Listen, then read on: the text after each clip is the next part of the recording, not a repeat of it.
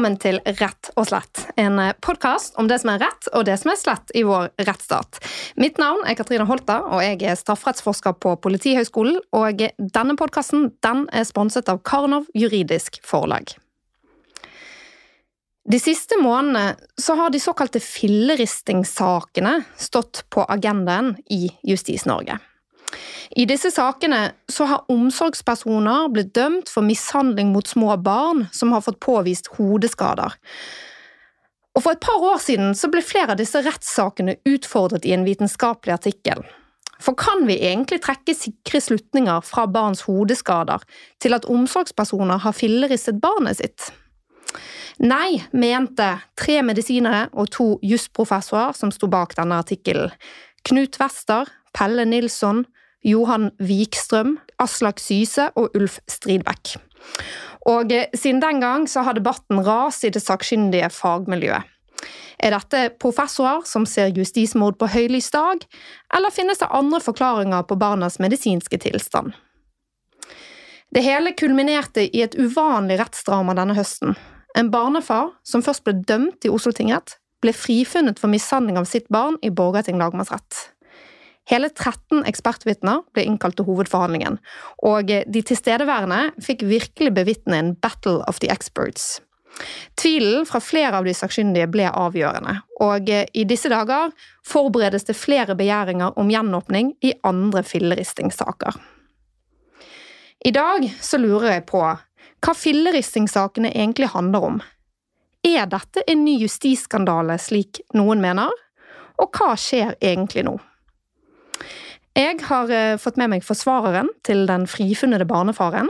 Henriette Willix er advokat og partner i advokatfirmaet Sulland. Velkommen til Rett og slett. Takk, Katrine. Kan du starte med å forklare hvorfor barnefaren ble trukket inn for retten? Ja. Det enkle svaret på det er fordi han var alene hjemme med sin lille sønn på tre måneder når gutten uh, plutselig fikk et, uh, ja, kall det et illebefinnende på stellebordet. Um, og um, han utførte da hjerte- og lungeredning på gutten sin frem til barnet ble fraktet til sykehuset, hvor det da blir sendt en bekymringsmelding fra helsepersonell til politiet, og sånn uh, kom politisaken i gang.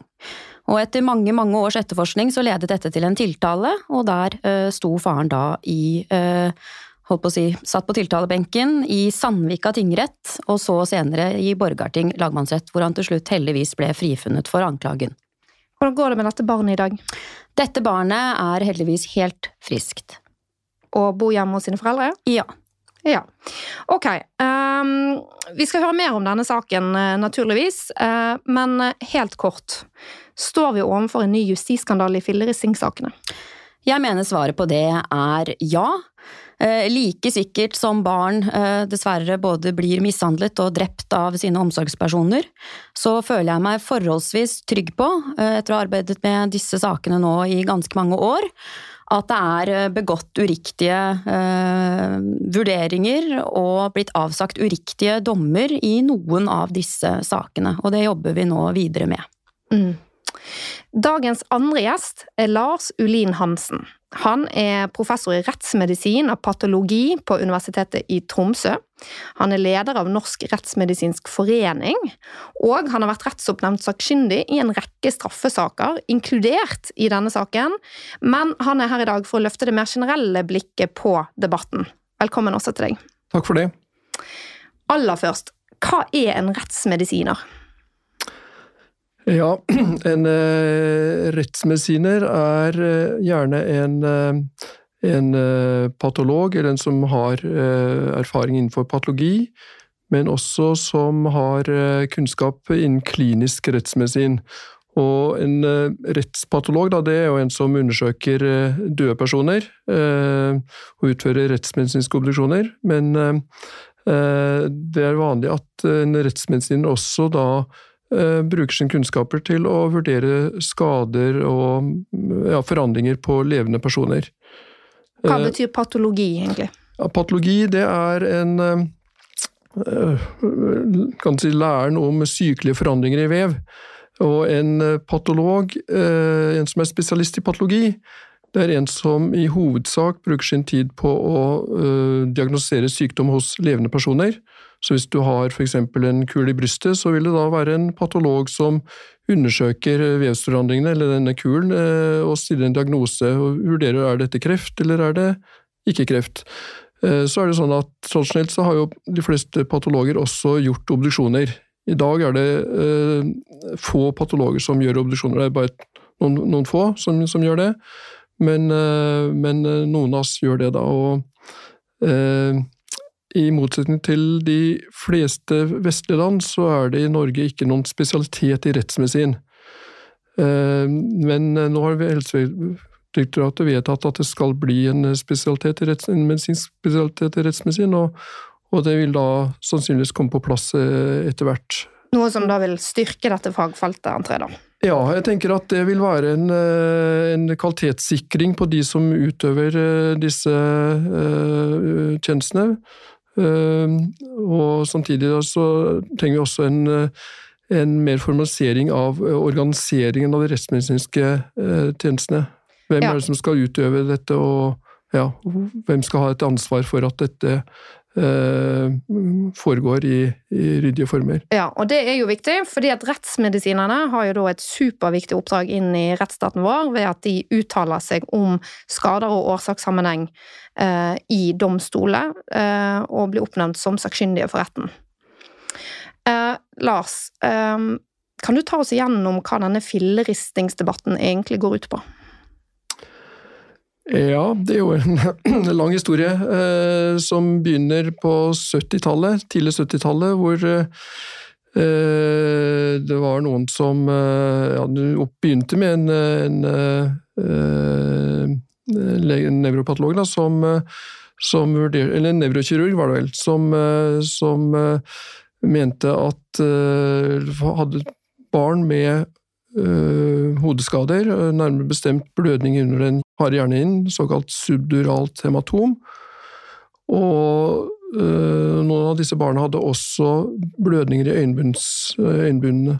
Det som var problematisk, det var at Altså blødninger i øyet? I, i, som du kan se? I netthinnen. Okay. Ja, som ligger helt bakerst i øyet. Ja, nettopp. Ja. Mm. Og det som var problematisk, at dette Spesielt uh, sånn blødning under en hjerne harehinne, det er noe som man nesten bare ser hos personer som har vært utsatt for en annen form for traume. Eksempel et fall, eller Og med medisinen så mener vi ja, er, en fysisk påkjenning? En fysisk påkjenning, for, som eksempel et, uh, et, fall fra en viss høyde, så kan man få en sånn blødning under den harde hjernehinnen. Eh, det som var med disse barna, det var at de hadde ingen tegn til, eh, til, skade, og det var heller ikke noen opplysninger om at de hadde vært utsatt for skade. Eh, derimot så kunne foreldrene fortelle at de hadde ristet disse barna forut for at de ble syke. Så det var tilståelse på ja, det, det begynte med en, en, tilståelse eller en opplysning om at, at barna hadde vært ristet. Eh, og så tenker man da at ok, kanskje at risting kan medføre disse forandringene i hjernen og, og i øynbund, disse øyenbunnsblødningene. Og dermed oppstår da begrepet shaken baby-syndrom, eh, som da eh, eh, innbefatter, i tillegg til denne blødningen under hjernehinne og netthinneblødninger, også en form for hjerneskade. og det kan være alt fra bevissthetstap og kramper, og til mer alvorlige med, hjerneskader som enten fører til varige skader hos barnet, eller også i verste fall død. Og nå er du inne på det som kalles for triaden. ikke sant? Altså At det er tre ulike typer skader som man da erfaringsmessig har ment at har dukket opp i forbindelse med disse filleristingene. Ja, så Triaden er jo et begrep som, eh, som, går igjen eh, i disse sakene, og det er som du sier, det er hjerneskade, det er blødning under den harde hjerne og netthinneblødninger. Mm. Eh, det at, dette er jo ikke bare en altså, Det er jo for varianter av, av hodeskade, og det er varianter av eh, blødninger under harde hjernehinne. Hvor, eh, hvor utbredt er det, hvor, hvor i hjernen forekommer det, og samme øyenbunnsblødninger. Altså at det varierer fra om det er blødninger i ett øye til begge øyene, og hvor omfattende det er. sånt. Mm. Det blir litt for enkelt å bare kalle det triaden. Det er, det er også et moment her hvor, hvor utbredt er disse forandringene. da. Men Henriette, du, du, har jo jobbet med dette fra et strafferettslig ståsted, og, og nå nevnte jo Lars at dette går tilbake til 70-tallet. Mm. Hva er den strafferettslige historien? Den strafferettslige historien er vel, for å si det litt enkelt, at man tidligere nettopp har gjort det litt for enkelt. Man har øh, konkludert med at man har gjort disse funnene øh, hos små barn, og så har man satt et likhetstegn mellom disse funnene og at barnet har vært utsatt for vold. Og på det grunnlag fått folk straffedømt for dette. Og dette har ikke bare skjedd i Norge, dette har vært internasjonalt? Absolutt, over hele verden. Eh, så er jo medisinen heldigvis i kontinuerlig utvikling, og det forskes jo på dette hele tiden. Og det har jo også vært tilfellet for, for dette eh, fagområdet som vi snakker om nå. Eh, så man har jo unektelig, særlig vel i USA, eh, kommet frem til at det har vært en, rekke uriktige domfellelser basert på en altfor enkel fremgangsmetode, ved at man bare benytter disse eh, Vi kaller det triaden nå for enkelhets skyld. Jeg er helt enig med Ulin Hansen i at man må nyansere disse ulike funnene litt, men la oss nå kalle det det. At man har brukt denne triaden som et slags diagnostisk verktøy. Det er det nå vel enighet om at man ikke lenger kan gjøre, men det har det som har vært problemet, og det er det som har vært årsaken til at debatten har kommet opp. Og dette mm. er jo mest av alt en medisinsk eh, fagdebatt som har utspilt seg internasjonalt, men nå også kommet hit til Norge. Men det er jo også en juridisk debatt, og den juridiske debatten handler jo nettopp om, om hvordan man skal forholde seg til den medisinske kontroversen. For det er en kontrovers, og det er en verdensomspennende kontrovers, hvor særlig ulike medisinere med ulike fagbakgrunner er uenige om hvor sterkt det vitenskapelige grunnlaget er for å kunne trekke noen slutninger ut ifra det man finner i barnets sitt hode. Uh, men uh, Lars, altså Vi snakker jo om filleristing, sant? Og hva er altså Går det an å si noe om hva som er symptomer på filleristing? Det er disse tre skadene da man mener er symptomer på filleristing, men de kan også ha andre årsaksforklaringer, er det sånn? Ja, så denne triaden er jo mer funn enn symptomer. Eh, så symptomene det er jo noe med det man observerer eh, klinisk, og, og, det som er typisk i disse sakene hvor man mistenker at det har vært en, eh, forekommet en filleristing, da, det er at det er et helt friskt spedbarn som da plutselig eh, mister bevisstheten, kanskje får kramper, kanskje eh, mister også får problemer med pusting og kanskje langsom hjerteaksjon. Uh, og som gjør at uh, Dette blir jo en veldig dramatisk uh, situasjon for, for, den personen som har omsorg for barnet, og, og vil da vanligvis ta kontakt umiddelbart med, med å få tilkalt en ambulanse, ambulanse, og så blir det da ja, hvis det er nødvendig, startet hjerte-lungeredning, men det er litt varierende. Da, så blir det lagt inn på sykehuset, og så blir det da en utredning om hva disse symptomene kan skyldes. Og som regel eh, i slike tilfeller så vil det jo bli gjort en sånn billedundersøkelse, altså en CT-undersøkelse av, av, hodet. Og, og, hvis man da oppdager en, eh, et sånt, en blødning under den harde hjernehinne, så, så, vil jo uh, med en gang helsepersonell begynne å tenke på om dette kan være et, et traume mot, mot hodet. Da. Mm. Og så har jo dette utviklet seg til en eh, egentlig nokså betent fagdebatt. Um, vil dere si noe om det? Um, ja, altså ja. Helt siden starten uh, på 70-tallet, når, uh, når denne kan si, teorien om, om, risting og disse forandringene i hodet ble lansert, så har det jo vært en skepsis i deler av fagmiljøet. Så det har jo vært Eh, til at man kan trekke den konklusjonen. Så det har jo eh, i alle år vært, eh, vært personer som har ment at her har man ikke gode nok beviser for at dette er en sammenheng, og det er gjort i flere altså Helt siden 70-tallet så har det jo blitt gjort masse, masse forskning på dette feltet. og som har, etter min mening, underbygget og Eh, til langt på vei at det faktisk er en sammenheng. Men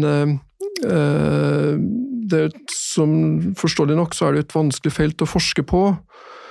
Årsakssammenhenger er jo noe av ja, det mest komplekse i mm, medisin, ikke ja, det? Så hvis man bruker de tradisjonelle vitenskapelige kriteriene, de såkalte Bradford Hill-kriteriene, for å finne årsakssammenheng, så er det vanskelig å, å oppfylle de i, i, disse når det gjelder uh, filleristing og, og, de skadene man ser, da. Mm. Uh, og kan si at mye av den forskningen som er gjort, er også har en mangelfull forskningsdesign, sånn at man har Uh, ja. Hva betyr det? Mangelfull forskningsdesign? Altså, man har ikke lagt opp forskningsprosjektene på en måte som gir et veldig entydig svar. Mm. Ja, man, det er uh, mye man kan si om den forskningen som er gjort, men det er jo gjort veldig mye forskning, og det meste peker jo i samme retning.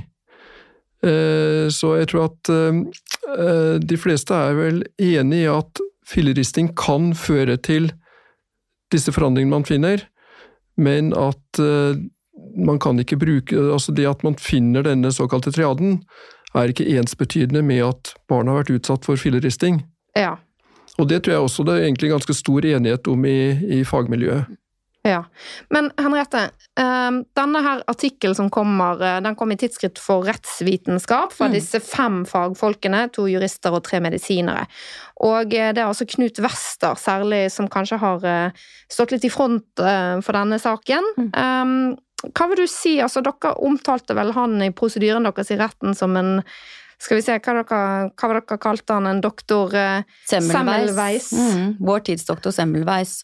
Hvorfor det? Hvem var doktor Semmelweis, og hva er parallellen her? Ja, Vi er vel litt tvunget, Katrine, til egentlig kjenne til han, men jeg fikk jo i hvert fall eh, lært dette under saken. Og for å gjøre den historien litt kort, så handlet det om en lege som i gamle, gamle, gamle dager fant ut at det var lurt å vaske hender i forbindelse med fødsler, var det vel? Ja, for da reduserte man barnedødeligheten. Men når han kom med det forslaget, så ble han jo regelrett eh, eh, hva skal man si, kastet under bussen og rett opp på tørkeloftet, for det var så kontroversielt, og det gikk imot alt man hadde trodd på tidligere.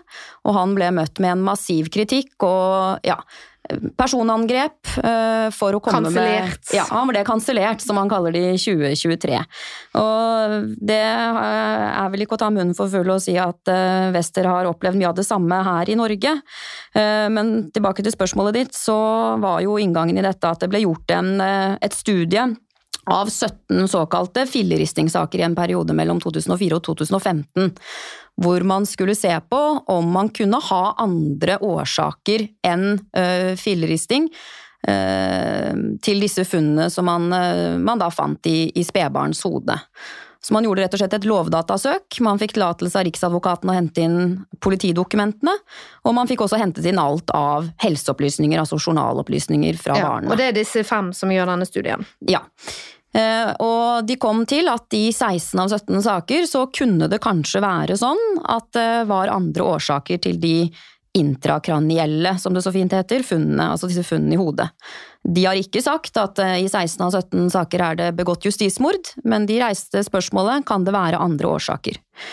Og denne juridiske artikkelen i Tidsskrift for rettsvitenskap ble fulgt opp av en mer medisinskrettet artikkel i et uh, internasjonalt anerkjent um, barnelegetidsskrift, kan vi vel kalle det, som heter Acta Pediatrica.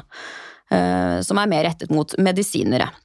Um, den um, forskningen, og særlig den i TFR, ble jo møtt uh, Eller fikk mye kritikk her i Norge. Uh, det er et lite fagmiljø, det er mange av de samme sakkyndige som går igjen.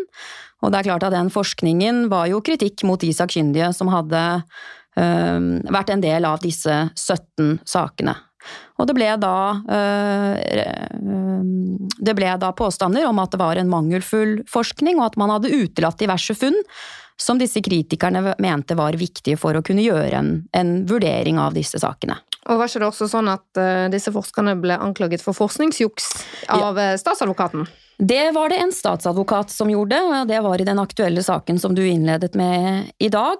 Um, og jeg tenker også, hvis vi tar to steg tilbake, uh, når du stilte spørsmålet, Katrine, hvorfor er denne debatten så betent?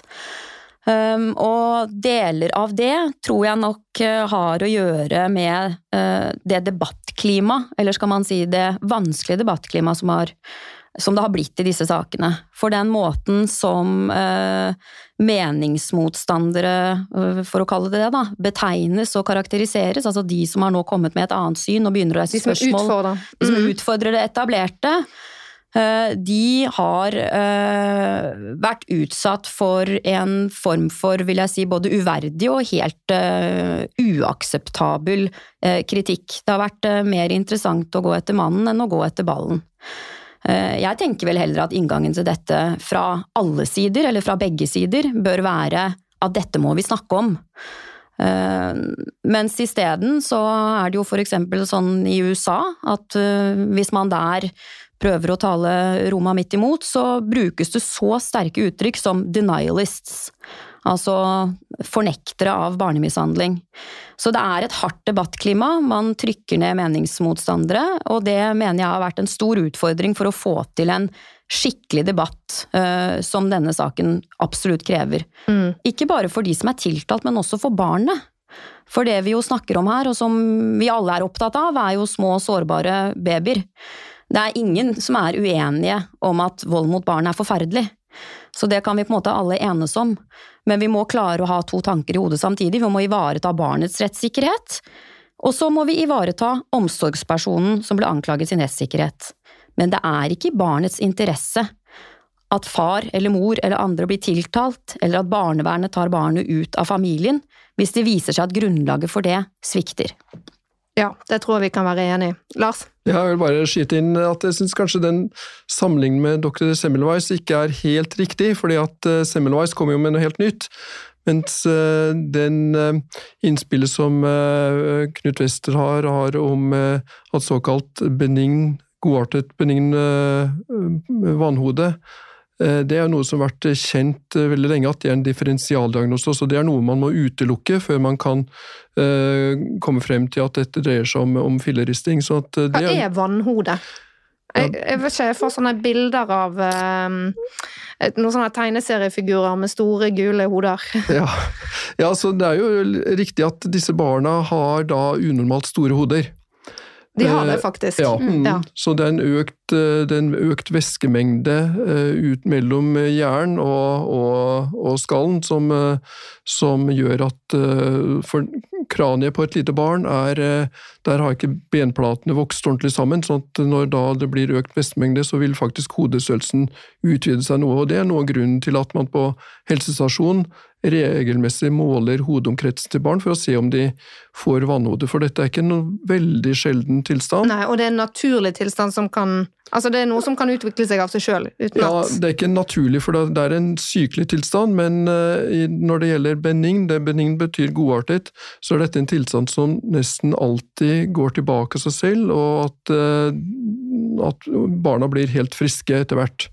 Og da er Vesta sitt poeng at eh, noen av disse sakene som er blitt dømt som filleristing, kanskje er forenlig med vannhode. Ja, fordi at man eh, ved denne vannhodetilstand så har man en økt risiko for å få blødning under den harde hjernehinne. Mm, nettopp. Og man kan eh, i enkelte tilfeller eh, utvise en del av de samme symptomene som Lars var innom tidligere i dag, hvis det, hvis det kommer så langt, holdt jeg på å si. Mm. Mm. Men eh, Henriette, kan du ta oss litt gjennom denne saken i Borgarting? Altså, hvordan, var det, mm, hvordan forløp dette her seg i hovedforhandlingen? Det var jo 13 eksperter inne, og det må jo ha vært ganske, en ganske interessant sak å få være med på, Ja, først og fremst som faglig så sett. Absolutt. Det har jo vært en eh, ekstremt omfattende og usedvanlig krevende sak å angripe som forsvarer. Vi gikk jo ikke på jussen for å bli leger, um, men det har vært eh, ekstremt mye å sette seg inn i. Det er jo det første, altså bare det å forstå dette som man nå skal bringe til torgs og gjøre forståelig for, eh, for dommerne. Um, men det var jo også sånn at uh, fra statsadvokatens side ble uttalt før vi skulle i lagmannsretten at dette var en prinsipiell sak i den forstand at utfallet av den uh, ville være av betydning for hvordan politi, påtalemyndighet, domstol, men også helsevesenet skulle vurdere uh, disse sakene fremover. Så fra begge parter, både fra forsvarerhold og fra påtalemyndighetens side, så så ble saken ansett som prinsipiell og viktig, og det var vel også derfor den ble lagt såpass bredt opp. Det var ni såkalt rettsoppnevnte sakkyndige i saken. Det betyr at det er retten som utpeker dem, de gjør tjeneste for retten. Um, og de er da ikke en sakkyndig som, um, som bistår en av partene, men, men, er rettens sakkyndige. I tillegg til disse ni, som alle hadde ulike fagkompetanser, det være seg rettsmedisinere, barneleger, nevrokirurg, øyeleger osv., nå snakker jeg generelt, um, så hadde vi i denne saken også såkalte sakkyndige vitner. Uh, det betyr at både aktor, altså statsadvokaten, og forsvarer kan velge å bringe inn egne sakkyndige i saken. Eh, aktor hadde med seg en rettsmedisiner som sin private antatte sakkyndig, mens vi på vår side hadde med oss henholdsvis en rettsmedisiner, eh, en nevroradiolog, altså en som ser på røntgenbilder av eh, hjernen, for å gjøre det litt enkelt, og en pensjonert nevrokirurg, som da er denne Wester som du har snakket om. Eh, og I tillegg til disse ni eh, pluss fire som er 13, så ble det også ført en rekke sakkyndige vitner som skulle uttale seg mer generelt om denne debatten som vi nå har vært innom. Det var en omfattende ankeforhandling um, som gikk over en fire ukers tid, var det vel, og hvor dommen kom rett før jul. Um, og jeg opplevde vel at uh, i tillegg til at Forsvaret og statsadvokaten var veldig innforstått med at det var en prinsipiell sak, så var også lagmannsretten innforstått med det. Det var jo kommunisert til retten, og det ble jo løftet frem allerede under innledningen, og de sakkyndige visste også om at dette var en slags sak som ville ha betydning for hvordan vi skulle se på dette videre. Fordi den i tid traff uh, rett inn i den debatten som nå også har reist seg i Norge, og som jo begynte med denne TFR-artikkelen i, i, 2020, var det vel. Mm. Mm. Men Lars, hva var det mm, Men hva var det disse sakkyndige ga uttrykk for i retten? Hvis vi skal ta det litt overordnet. Ja, det var jo eh, sakkyndige innenfor mange felt, sånn som Henriette har vært inne på. Så var det jo Eh, noen av oss som var eh, rettsmedisiner, som hadde et litt bredere mandat. Og så var det jo sakkyndige eh, som hadde spesiell fagkompetanse innenfor f.eks. øyeforandringer, eh, hjerneforandringer eh, osv. Så eh, sånn at eh, eh, de Også, som hadde mer spesifikke mandater, da, de uttalte seg om mer spesifikke områder. F.eks. da hva kan disse øyebunnsforandringene skyldes? Ja, og så var det da sånn at retten landa jo da på en konklusjon om at her finnes det rimelig tvil. Mm. Disse skadene kan ha oppstått på andre måter enn som følge av filleristing. Um, og det som det her, denne rimelige tvilen begrunnes i, det er jo nettopp at det er uenighet, eller at de sakkyndige løfter frem i ulik grad tvil, og det er uenighet blant de sakkyndige. Mm. Men er det sånn, Lars, at, um, at, at uh, man kan ha Altså at barns rettssikkerhet, da, hvis vi skal ta den andre innfallsvinkelen litt til dette, er avhengig av at det ikke kommer én akademiker på en måte har en motstemme. Det er sånn at det er rimelig tvil med en gang det finnes én akademiker som sier det motsatte. Ja, igjen så synes jeg det er litt rart å snakke om barns rettssikkerhet, for det er jo ikke bare barnets rettssikkerhet, det er jo også rettssikkerheten til den som er tiltalt. Eh, så det er jo en rettssikkerhet mer generelt, tenker jeg man må, må, må snakke om. Eh, ja, men så er det et interessant tema det du sier. Er det sånn at eh, er det nok at det kommer én motstemme, så er det en tvil. Eh, det, må jo være, altså det vil jo være opp til retten da, å avgjøre hvor, eh, hvor, mye tvil vil eh, Og da tenker jeg at det vil være kompetansen til den som har et annet syn enn det som er den alminnelige oppfatningen. Og er det hold i de innsigelser som kommer? Er virkelig forskningen på dette feltet så dårlig som vedkommende sier? Er det, eh, er det tilstrekkelig til å så den rimelige tvilen som skal være for å frikjenne en person? Eh, det tenker jeg må være opp til retten å, å avgjøre. Mm. Jeg tenker også det at um, uh, i disse sakene så Um, er det jo ikke slik at fordi man finner en akademiker som mener noe annet, så blir vedkommende uh, frifunnet. Fordi vi må huske at de sakkyndige som bidrar i disse sakene, uavhengig av om de er rettens sakkyndige eller om de er aktor eller forsvarer sakkyndige, så har de jo i oppgave å vurdere denne saken. De skal vurdere dette barnet. De har fått det vi kaller et mandat, du kan kalle det en slags bestilling, for å gjøre en litt forenklet oversetting av det, hvor det står oppramset punktvis hva den sakkyndige skal ta stilling til. Og som Lars sier, det kan enten være det vi kaller et bredt mandat, som eh, litt forenklet er å si at du skal se på hele uh, funnbildet og gjøre en vurdering ut av det. Eller man kan ha folk som skal komme inn og bare se på uh, blodforstyrrelser. Ikke sant?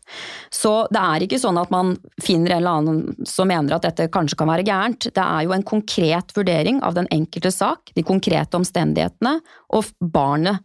Og da blir jo barnet utredet og vurdert fra øh, holdt på å si nærmest fra unnfangelse, gjennom graviditet, fødsel og siden helt frem til, til det skjer da at barnet øh, blir sykt.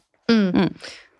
Og så tenker jeg, Når Henriette snakket om rettsoppnevnte sakkyndige og partsoppnevnte sakkyndige, og da tror jeg at det er viktig å klargjøre at uh, uansett om det er partsoppnevnt eller rettsoppnevnt, så, er, uh, så, skal man være objektiv og upartisk.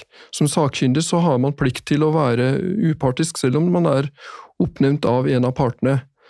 Så man, Det er liksom de etiske reglene som gjelder for en, for en sakkyndig, at man skal opptre upartisk. og er det kanskje sånn at det ikke alltid er sånn i praksis, og at man kanskje er litt påvirka av hvem som har, eh, hvordan, hvem som har oppnevnt eh, deg som sakkyndig, men i utgangspunktet så skal man være upartisk. Mm. Og jeg tenker også En annen ting som er verdt å ha med seg når vi snakker om den sakkyndiges inngang i disse kall det Katrine, er jo at um, man har som sakkyndige i disse sakene som handler om barns hodeskader, eller man kaller det påført hodeskader hos små barn, så har man i varierende grad uh, involvert seg i denne debatten vi snakker om. Man er man er kjent med den, det er alle. Det er et såpass lite land og såpass lite miljø at alle er kjent med denne debatten. Og så er det varierende hvor mye man har involvert seg i den. Lars her har jo valgt å ikke gjøre det i like stor grad, mens andre er veldig tungt involvert i den generelle debatten som utspiller seg i det være seg Aftenposten, NRK eller medisinske tidsskrifter. Og den posisjonen man inntar i den generelle debatten, det er jo helt klart, mener jeg, at den øh, klarer du ikke å legge bort når du skal gjøre en konkret vurdering av barnet i en sak hvor du får beskjed fra retten nå skal du være sakkyndig, du skal vurdere dette.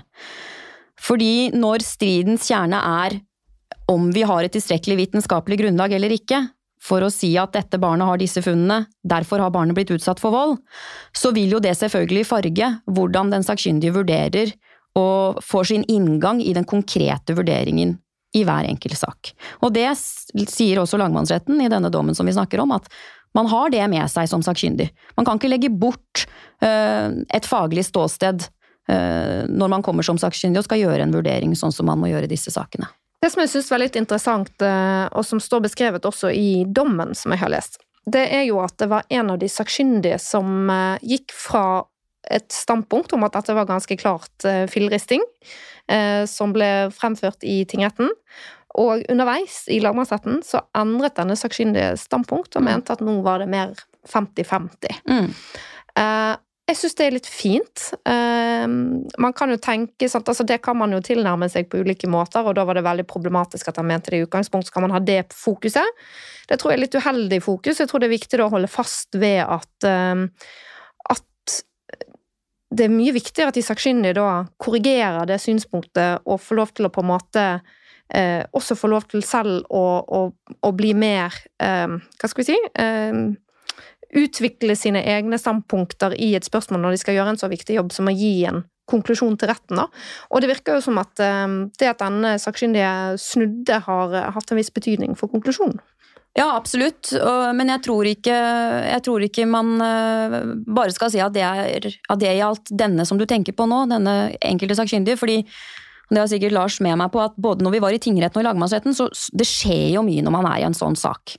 Det kommer nye bevis hele tiden. Eh, senest siste uka i lagmannsretten så får jeg nye dokumenter fra sykehuset som vi til tross for seks og et halvt års etterforskning aldri har sett før. Eh, det kan ikke minst har kommet ny forskning, det gikk jo et år mellom tingretten og lagmannsretten, og det er ting som gjør at vi hele tiden må diskutere og evaluere er det noe vi skal endre. Så det var ikke bare denne sakkyndige du snakker om nå, men også andre som, om man skal si endret mening, man kan i hvert fall si kanskje klargjorde sitt syn. Uh, og så var det flere som um, uh, ga uttrykk for mer tvil enn det de kanskje gjorde på etterforskningsstadiet eller i tingretten. Men den personen du tenker på konkret, var jo en av de såkalte rettsoppnevnte med dette brede mandatet. Han skulle da vurdere det samlede skadebildet som barnelege. Og han endte da med i lagmannsretten å gå fra øh, å først mene at det var sannsynlighetsovervekt for at det var en påført hodeskade, til at dette vel øh, like fullt kunne skyldes en, øh, en naturlig årsak. Så han kunne ikke vurdere hva som for han fremsto som mest sannsynlig. Han sa at for meg er det 50-50, og så må dette bli opp til retten. Så det er klart at det var en viktig begivenhet under ankeforhandlingen. Um, og en vurdering og en endring som, mener jeg som forsvarer, sto i tråd med uh, bevisførselen og bevissituasjonen sånn som den var på det tidspunktet.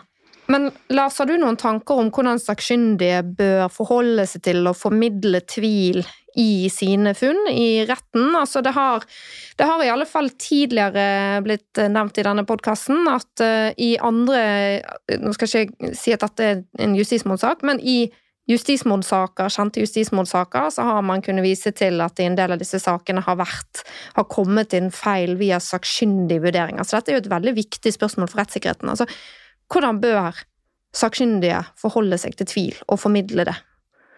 Ja, jeg tror at, eh, at og det tror jeg man så også i denne aktuelle saken, at, eh, som gikk i Borgarting nå, at eh, sakkyndige og jurister snakker litt forskjellig språk når det gjelder utvikling av tvil. Slik at, og Vi hadde jo annet en sakkyndig som hadde sagt at Brukte begrepet 'overveiende sannsynlig'. Og det, så kom det frem eh, etter hvert at eh, det den sakkyndige mente, det var at han var, helt, altså var nesten helt sikker. Mens uh, juristene de bruker begrepet overveiende sannsynligvis det er mer enn 50% sannsynlighet. Det stemmer. Sånn at det er, det er viktig at uh, sakkyndige og jurister snakker, snakker samme språk. Ehm, og da, i Sverige eksempel, så har man eh, Så har de rettsmedisinerne utarbeidet det som kalles for ja, På norsk kan det for konklusjonsgrader, da, som mer spesifikt eh, beskriver hvor sikker man er. Og det er da konklusjonsgrader som, som alle kan bruke, og som, eh, som da gjør at man kan unngå på langt på vei den misforståelsen som, eh, som man har ellers med når man bruker litt ulike begreper. Og dette fungerer som en slags sånn skala, da? Altså at det er én, to, tre Konklusjonsgrad én, to, tre, og du kan si mellom to og tre, for eksempel. Og så vil hvert av disse tallene være beskrevet som en bestemt sikkerhetsmargin, holdt jeg på å si. Ja, så det kan f.eks. være at grad fire så er man helt sikker, grad null så man, kan man verken si for eller mot, og så grad minus fire så, man, så kan man utelukke at det er en sammenheng. Ja. Så det er gjerne, uh, iallfall det de bruker i Sverige, og som også Kripos bruker i Norge nå, det er en sånn nidelt skala som går fra pluss fire til minus fire, og hvor null er da hvor man ikke kan si noe verken for eller mot. Ja, Men er det mulig for sakkyndige å si sånn, plassere denne form for sannsynlighet? Altså, Hvordan gjør man det? Det er jo ikke matematikk dere driver med. Nei, det, og det blir jo en eh, subjektiv oppfatning, sånn at man eh, vil jo risikere at eh, to forskjellige sakkyndige i samme sak, og som skal uttale seg om den samme problemstillingen, vil, den ene vil være mye mer sikker enn den andre. Så det tror jeg at man kan ikke unngå, men man, i alle fall, man vil tydeliggjøre hva den enkelte sakkyndige mener. Mm. Så det er kommunikasjon. ja, jeg tror det er veldig viktig det med kommunikasjonen av usikkerhet og tvil, som Lars snakker om nå. fordi det var jo vår, vår sak et godt eksempel på at man, man, benytter så utrolig ulike betegnelser på dette. Man snakker med kan, 'det kan passe med', 'noe er forenlig med noe'. Og så bruker man mer sterke ord som at noe er, eller noe skyldes. Vi må snakke samme språk. Men det ene er jo å si, ansvarliggjøre den sakkyndige. Og jeg tror nok at det å, å, å, begynne å bruke mer standardiserte konklusjonsgrader kan være en nyttig øvelse. Selv om, som du sier Katrine, det kanskje ikke alltid passer, men det kan kanskje være en god bevisstgjøring for den sakkyndige også, under utførelse av oppgaven sin. Men det andre er jo at særlig dommerne, tenker jeg, har et ansvar her. Og jeg tror det vel, eh, i hvert fall fra forsvarerhold, så har man vel i norske domstoler, øh, nå snakker jeg generelt, vært for komfortable i dommerrollen i disse sakene. Altså det kommer inn en faglig autoritet i form av en eller annen medisiner som har gjort en samvittighetsfull og grundig vurdering, og presenterer den og ender med sitt konklusjon, og så tar dommeren det med seg, og tusen takk for det, og tar det inn i dommen. Vi må være langt mer kritiske øh, til det som kommer. Hva er grunnlaget for dette? Uh, hvor kommer dette fra? Hvor sikker er du? Og åpenbart har jo de profesjonelle aktørene, sånn som aktor og forsvarer, en viktig rolle i dette, men dommeren kan ikke bare lene seg tilbake og ta det imot.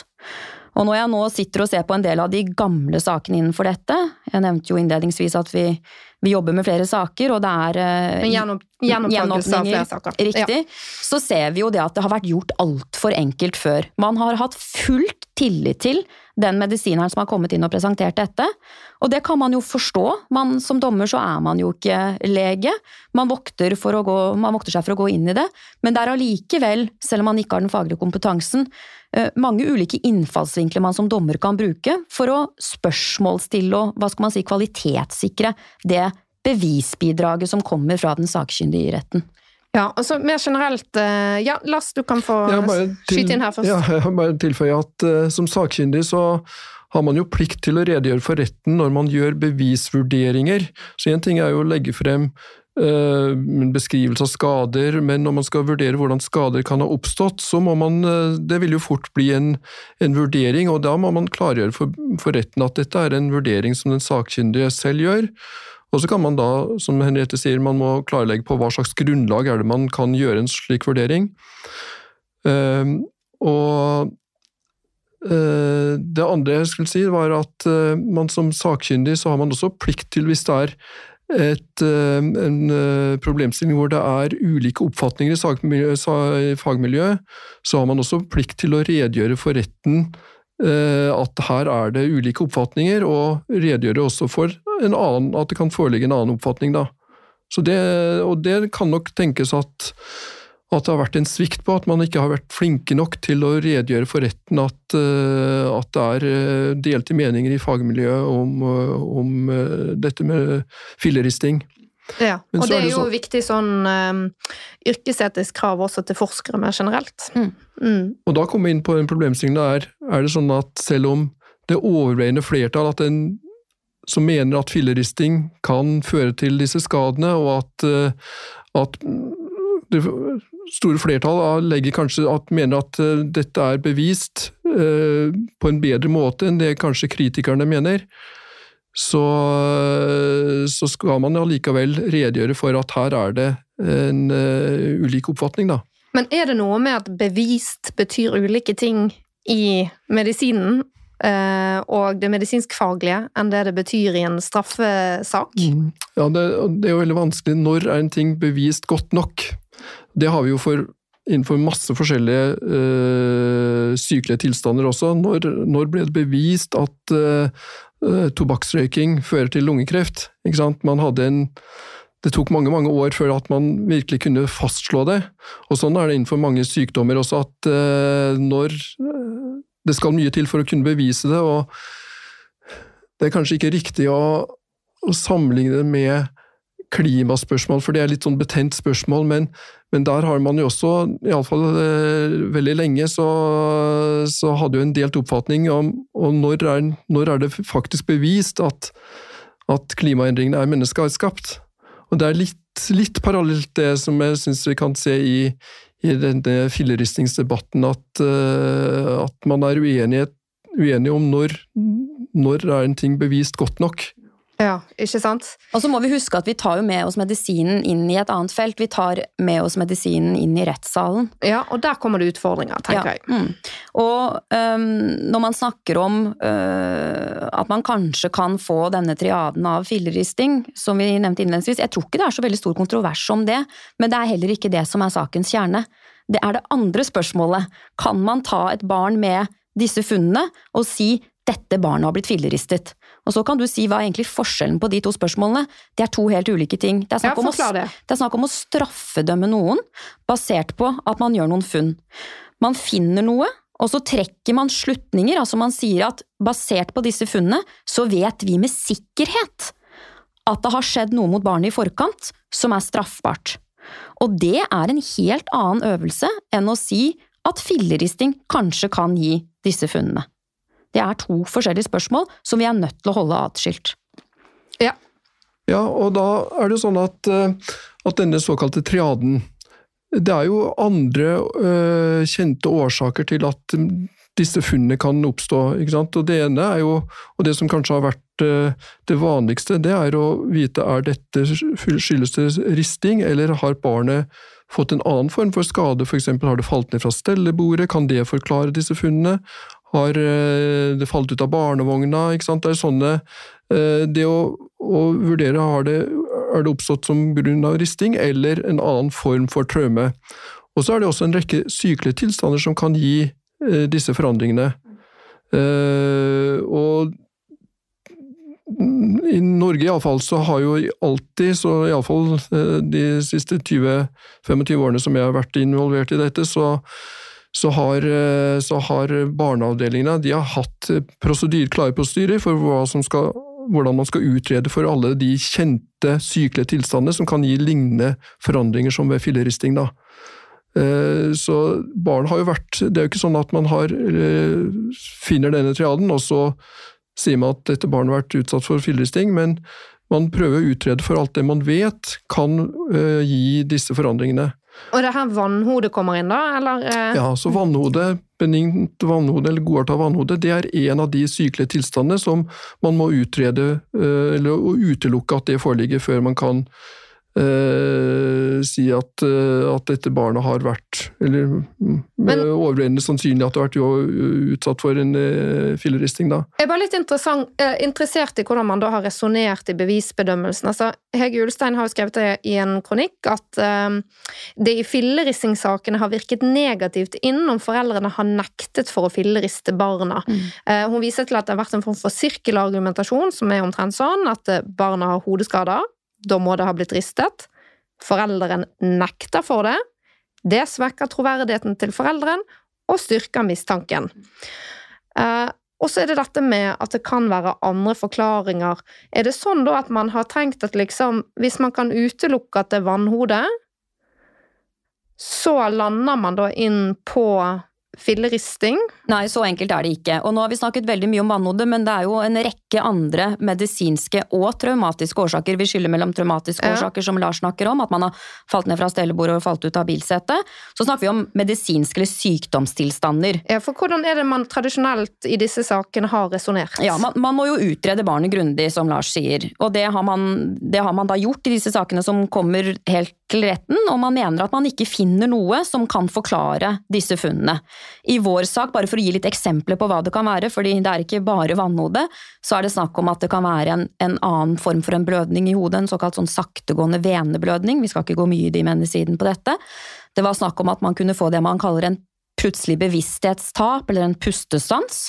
Og så var det dette med eh, eksternt vannhode som nummer tre. Um, og det fjerde var noe som heter noe så vanskelig som kortikale venetromboser. Gjør det veldig enkelt og kaller det noen form for blodpropper i hjernen. Så disse fire alternative årsakene ble drøftet grundig av de sakkyndige og lagmannsretten i dommen.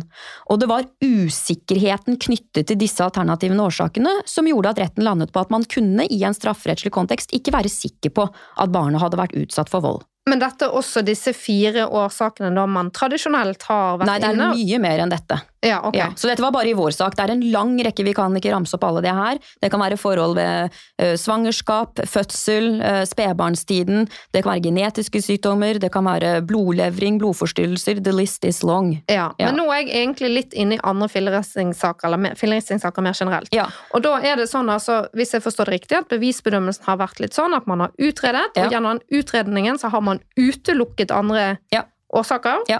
Og så har man da konkludert med at når disse årsakene, medisinske årsakene er utelukket, så står vi igjen med filleristing. Ja. Og hvis foreldrene da nekter for det, så kommer vi inn i dette sirkelargumentasjonen. Ja, og det er helt riktig, og vi opplever det vi på fagspråket kaller en omvendt bevisbyrde i disse sakene. Fordi i Norge er det jo sånn at det er påtalemyndigheten som skal føre et sikkert bevis for at den som er anklaget for en straffbar handling, har gjort den straffbare handlingen. Mens vi opplever i disse sakene at det ble opp til tiltalte å bevise sin uskyld. Og det er jo fordi at den tiltalte har vært alene med barnet når, når barnet har blitt sykt, og når tiltalte da nekter for å ha begått en straffbar handling, så, øhm, øh, som du sier, så får, øh, så får man beskjed, øh, og det har vi sett mange eksempler på, også fra politiavhørene i denne konkrete saken, at skadene skyldes at du har gjort noe med barnet ditt, og det er et faktum. Fra politiets side så presenteres det som en sannhet, og det man sier da rett ut er at du ljuger. Så man sitter i en avhørssituasjon, man har fått en sakkyndig vurdering allerede da, så tidlig på etterforskningen, fra en sakkyndig, som sier at skadene, øh, og da er det jo varierende hvordan dette uttrykkes, men eksempel skadene skyldes. Det er jo et ganske sikkert sikker måte å uttrykke seg på. Og politiet tar det med seg inn i avhørsrommet og sier det er slik. Eh, I det ene avhøret av, øh, av vår klient så ble det formulert som at det var et faktum. Og det er ikke vanskelig å se for seg at man i den situasjonen, som åpenbart er en livskrise, du er da fratatt barnet ditt etter all sannsynlighet, du er kanskje både varetektsfengslet og i et politiavhør, du er siktet for å gjøre noe av det verste man kan være siktet for, at du da ikke ser noen annen utvei og enten tenker ja, da er det vel jeg som har gjort det, da, og så tenker man hva er det jeg kan ha gjort, og så går man gjennom hodet sitt og rekapitulerer alt mulig som kan ha skjedd for at jeg kan ha enten, holdt på å si med vilje eller ubevisst, forårsaket disse skadene. Så det er, som Hege Ulstein i Dagsavisen har skrevet, det er en form for en omvendt bevisbyrde. Man pålegger tiltalte å bevise sin uskyld. Hvis ikke den tiltalte klarer å komme med en forklaring som harmonerer med det vi kaller skadebildet, da har tiltalte et problem. Mm. Mm.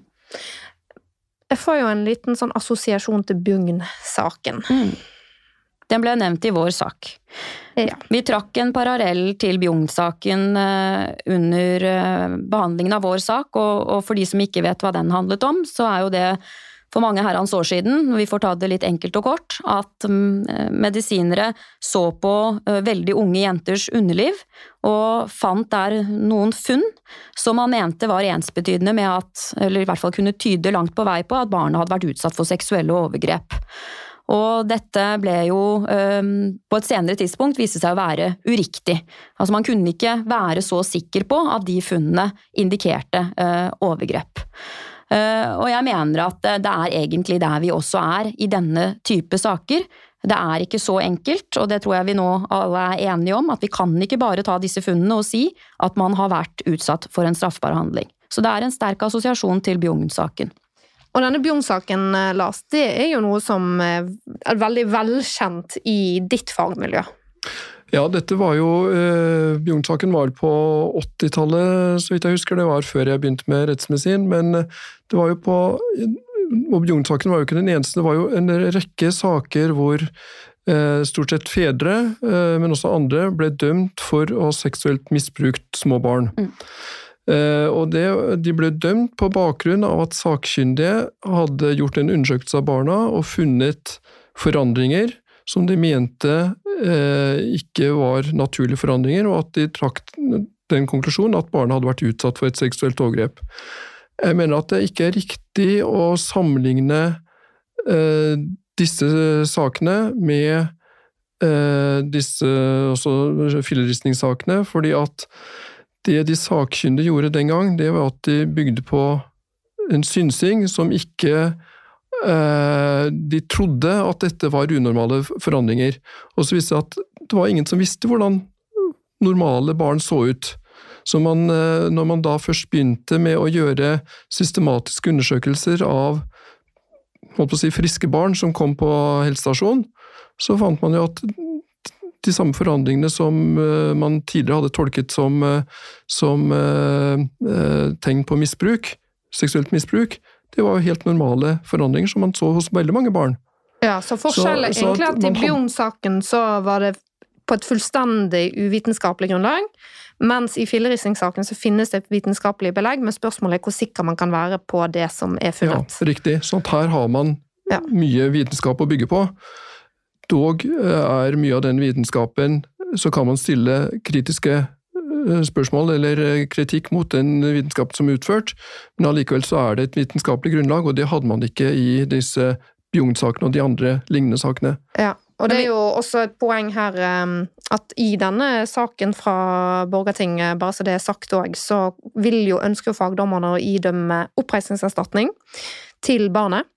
Uh, og det mener de at, de at de, har klar sannsynlighetsovervekt for å gjøre, og klar sannsynlighetsovervekt det er sånn ja, kanskje rundt 70% altså det skal være mer enn bare overveiende sannsynlig, da. Uh, så det er ikke sånn at, uh, at domstol Borgarting har sagt at filleristingen utelukket, utelukket som en forklaring. Nei, og hvor langt vi skal gå inn i det, Katrine, får jo du styre. Det er mye å si om den mindretallsdissensen, som det heter, fra fagdommerne der. Eh, det ble ikke idømt noe oppreisningserstatning. Vi mener jo åpenbart at det ikke var noe grunnlag for det. Eh, syns selve votumet er vanskelig å forstå.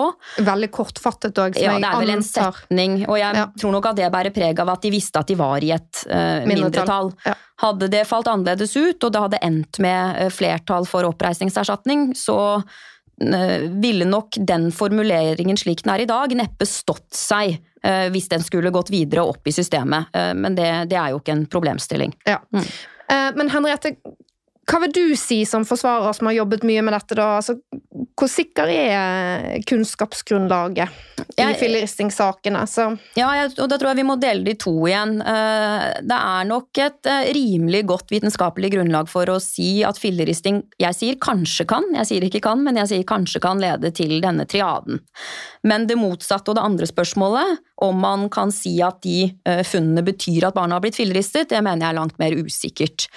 Eh, og i vår sak så ble det jo benyttet begreper som eh, kunnskapshull, altså det er mye vi ikke vet. Dette er bitte små barn med en anatomi som vi ikke vet alt om, selv om det er 2023. Det er et utrolig vanskelig felt å forske på. Vi kan ikke ta babyer på tre måneder, riste de og så sette de i en MR-maskin for å se hva som skjer. Så det er en del vanskeligheter i uh, forskningen her. Og så tror jeg også det, og det har jeg tenkt mye på når jeg har jobbet med særlig denne saken, at det er jo så mye vi ikke vet. Og selv om det er 2023, så er det faktisk fortsatt sånn at medisin er ikke noe eksakt vitenskap. Og jeg tror nok at enkelte innenfor dette burde være litt mer ydmyke eh, overfor den tanken. At vi, vi vet ikke helt sikkert. Og Borgarting snakker om at uh, mekanismen, altså den uh, mekanismen som skal til, rent mekanisk, for å få denne triaden av filleristing, den er ikke kjent. Og det gir generelt rom for tvil, sier lagmannsretten her. Og i tillegg, så sier lagmannsretten, at det også er et moment at det vitenskapelige grunnlaget er under utvikling. Ved videre forskning kan sannsynligheten for at de tre nevnte funnene skyldes filleristing, enten styrkes eller svekkes. Noen sikre slutninger kan derfor ikke trekkes på det nåværende tidspunkt, og dette er jeg helt enig i. Det er der vi er. Vi kan ikke vite noe sikkert. Mm. Um, vi nærmer oss avslutningen på episoden, men eh, Henriette, dere har jo kraftig kritisert Den rettsmedisinske kommisjonen i denne saken, og eh, den kritikken skal du få komme med, men Lars, først. Hva er Den rettsmedisinske kommisjons rolle i straffesaker?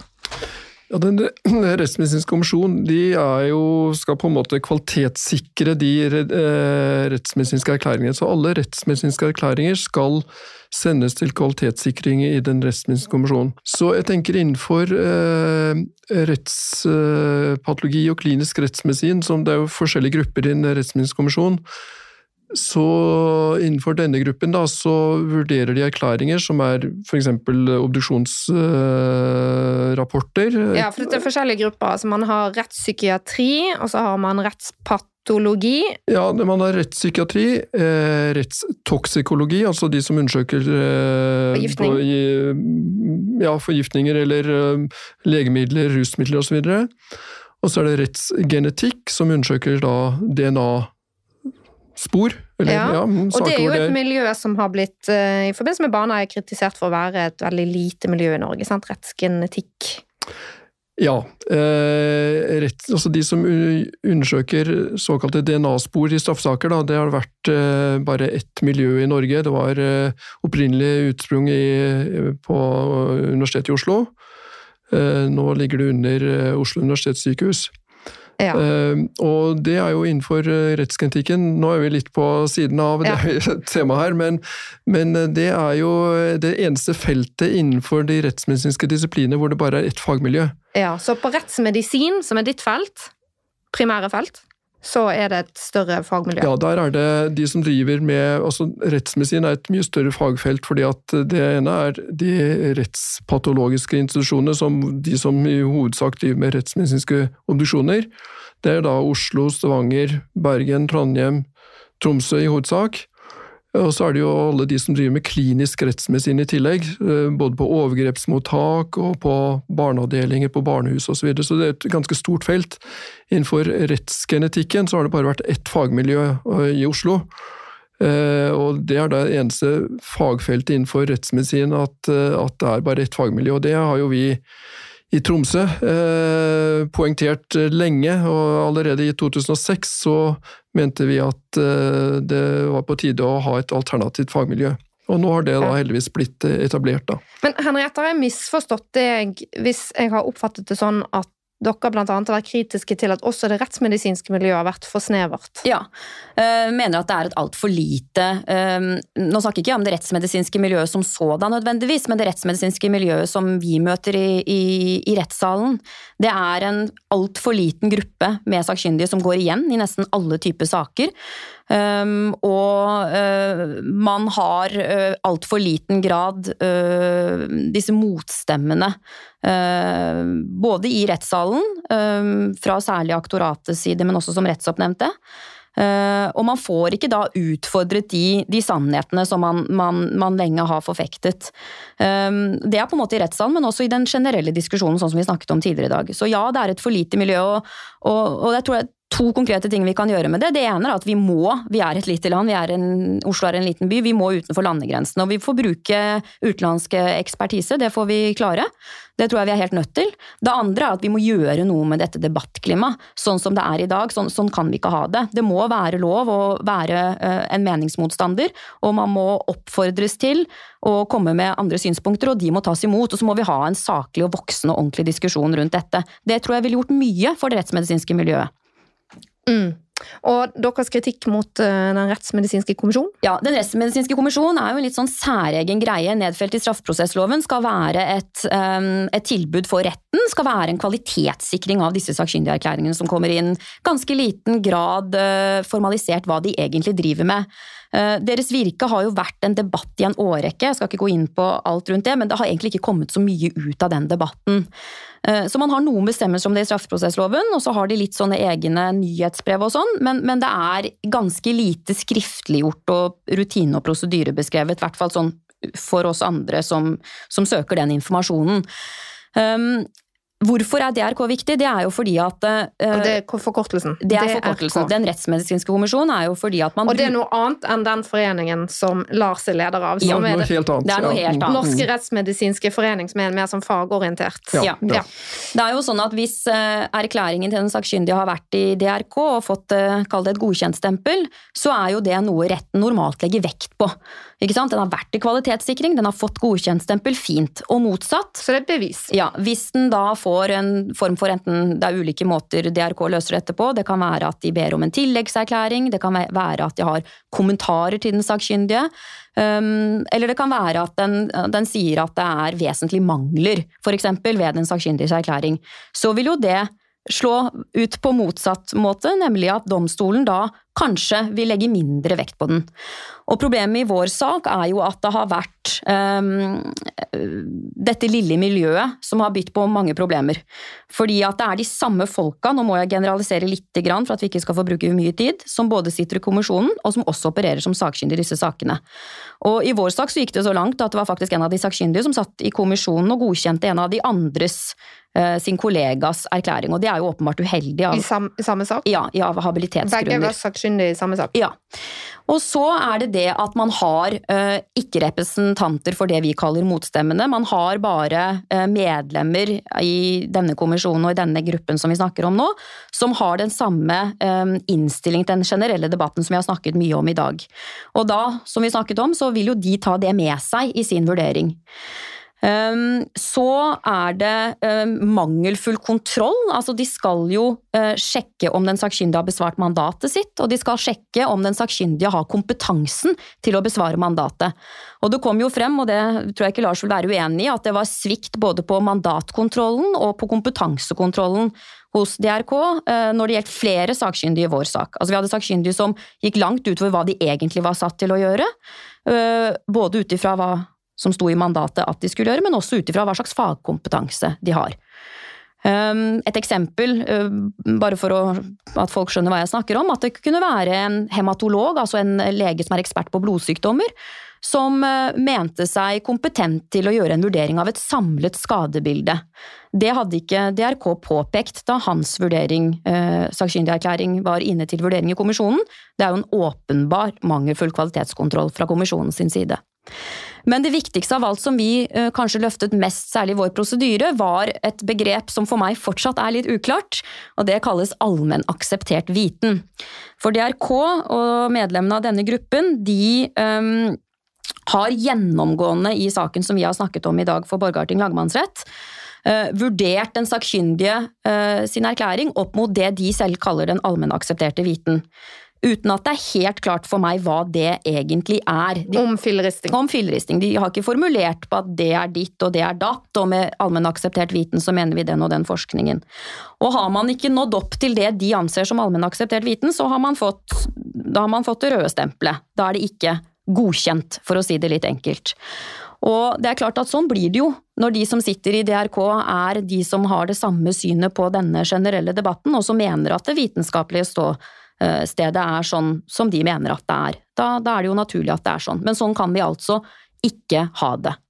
De har eh, da helt til slutt um, brukt andre sakkyndige som en slags fasit, og jeg kan eksemplifisere ved at man har brukt den aller første sakkyndigerklæringen som kom inn på etterforskningsstadiet, til politiet, den samme som vi snakket om i sted, hvor foreldrene i avhør blir foreholdt at dette barnet har blitt utsatt for, osv.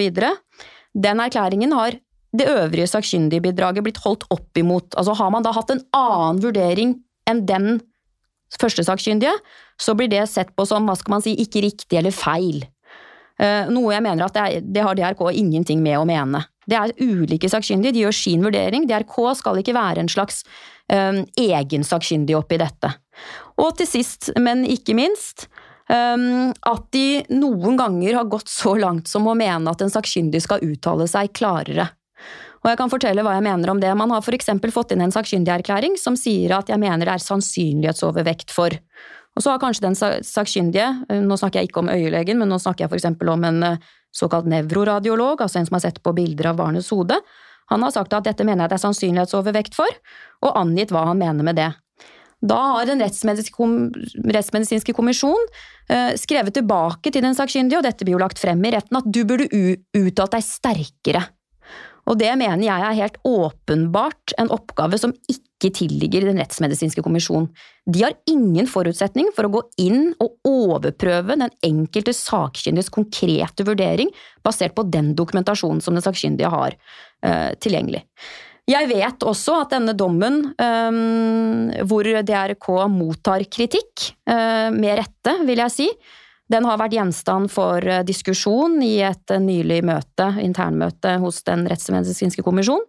Og fint og flott er det, men jeg håper jo inderlig at det kommer noe ut av dette. For denne kommisjonen, den må ta grep. Her har det vært svikt i mange ledd. Det er en altfor homogen base med ø, fagpersonell som sitter der. Og det må gjøres en kraftig opprydding hvis eh, DRK skal nyte den legitimiteten som de i hvert fall etter straffeprosessloven skal ha. Det kan jo tenkes at det er noe som kommer til å bli kommentert i den forestående Baneheia-granskningen også. Eh, Lars, vil du eh, kommentere på dette? Hva tenker du om denne kritikken? Litt sånn kort avslutningsvis. her. Jeg har jo selv vært medlem av eh, Rettsmedisinsk kommisjon i ja, 15-20 år snart, eh, så jeg har ikke lyst til å gå inn i noen diskusjon om kommisjonens rolle og hva slags uh, vurderinger de har gjort. Jeg har ikke selv vært inne i vurderinger av disse filleristningssakene, men uh, så jeg, ja, jeg ønsker ikke å, å, si noe mer om det. Nei. Før vi kommer til det siste spørsmålet, så må jeg jo spørre dere hva dere tror at denne borgertingavgjørelsen vil bety for de andre filleristningssakene. Eh, jeg tror det er to ting. Eh, og det viktigste er vel dette lille sitatet jeg leste opp i sted, hvor man sier at man har eh, per nå ikke noe sikre vitenskapelige holdepunkter for dette med å trekke slutninger fra funn til et forutgående hendelsesforløp. Og dette sitatet med at forskningen kan styrke eller svekke den hypotesen, og at vi på nåværende tidspunkt ikke vet noe mer. Det vil jo være først og fremst kanskje av betydning for de litt eldre sakene, hvor man gjorde en litt mer forenklet vurdering og så litt enklere på det, og det er derfor vi jobber med, med gjenåpning av noen av disse nå. Um, det andre uh, er at man i denne saken, uh, vil jeg si mer enn tidligere, jeg har lest veldig mange dommer i disse sakene nå, har en veldig grundig og god vurdering av alternative skadeårsaker. Og så kan man jo innvende at ja, men det gjaldt denne gutten og det gjaldt denne saken. Ja, absolutt, det gjorde det. Men det er jo um, de fire skadeårsakene som man vurderer som alternativer her, er jo uh, ting man ser kan gå igjen som såkalte differensialdiagnoser i også andre saker.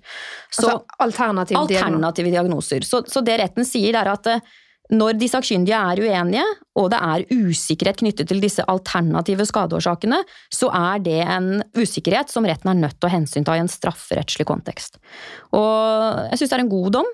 Det er en håndhevelse av det strafferettslige beviskravet, og det er gode formuleringer knyttet til uh, rimelig tvil uh, versus den hypotetiske tvilen. Ja, Imponerende òg uh, hvordan dommerne har satt seg inn i ganske konkrete medisinske spørsmål. Ja.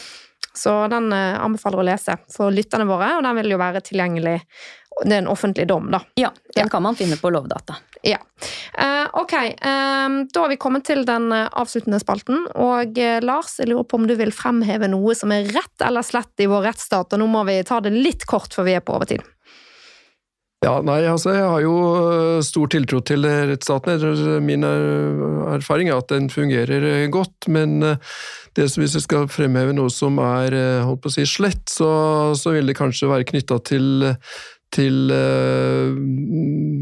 rundt de sakkyndige, og at vi ennå ikke har fått på plass en, en spesialitet for, i rettsmedisin i Norge, og at organiseringen av de sakkyndige virksomheten også er mangelfull.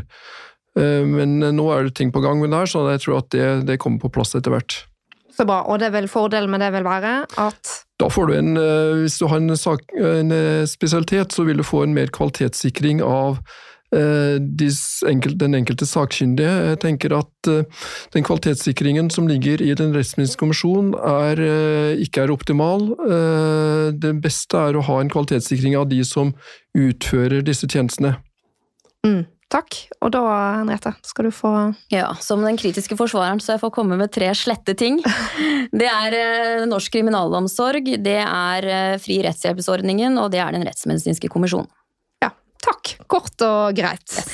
Eh, det var det vi hadde tid for i dag. Takk til gjestene mine her i studio som har vært med her i dag, og tusen takk til dere der hjemme som har lyttet til oss. Vi høres.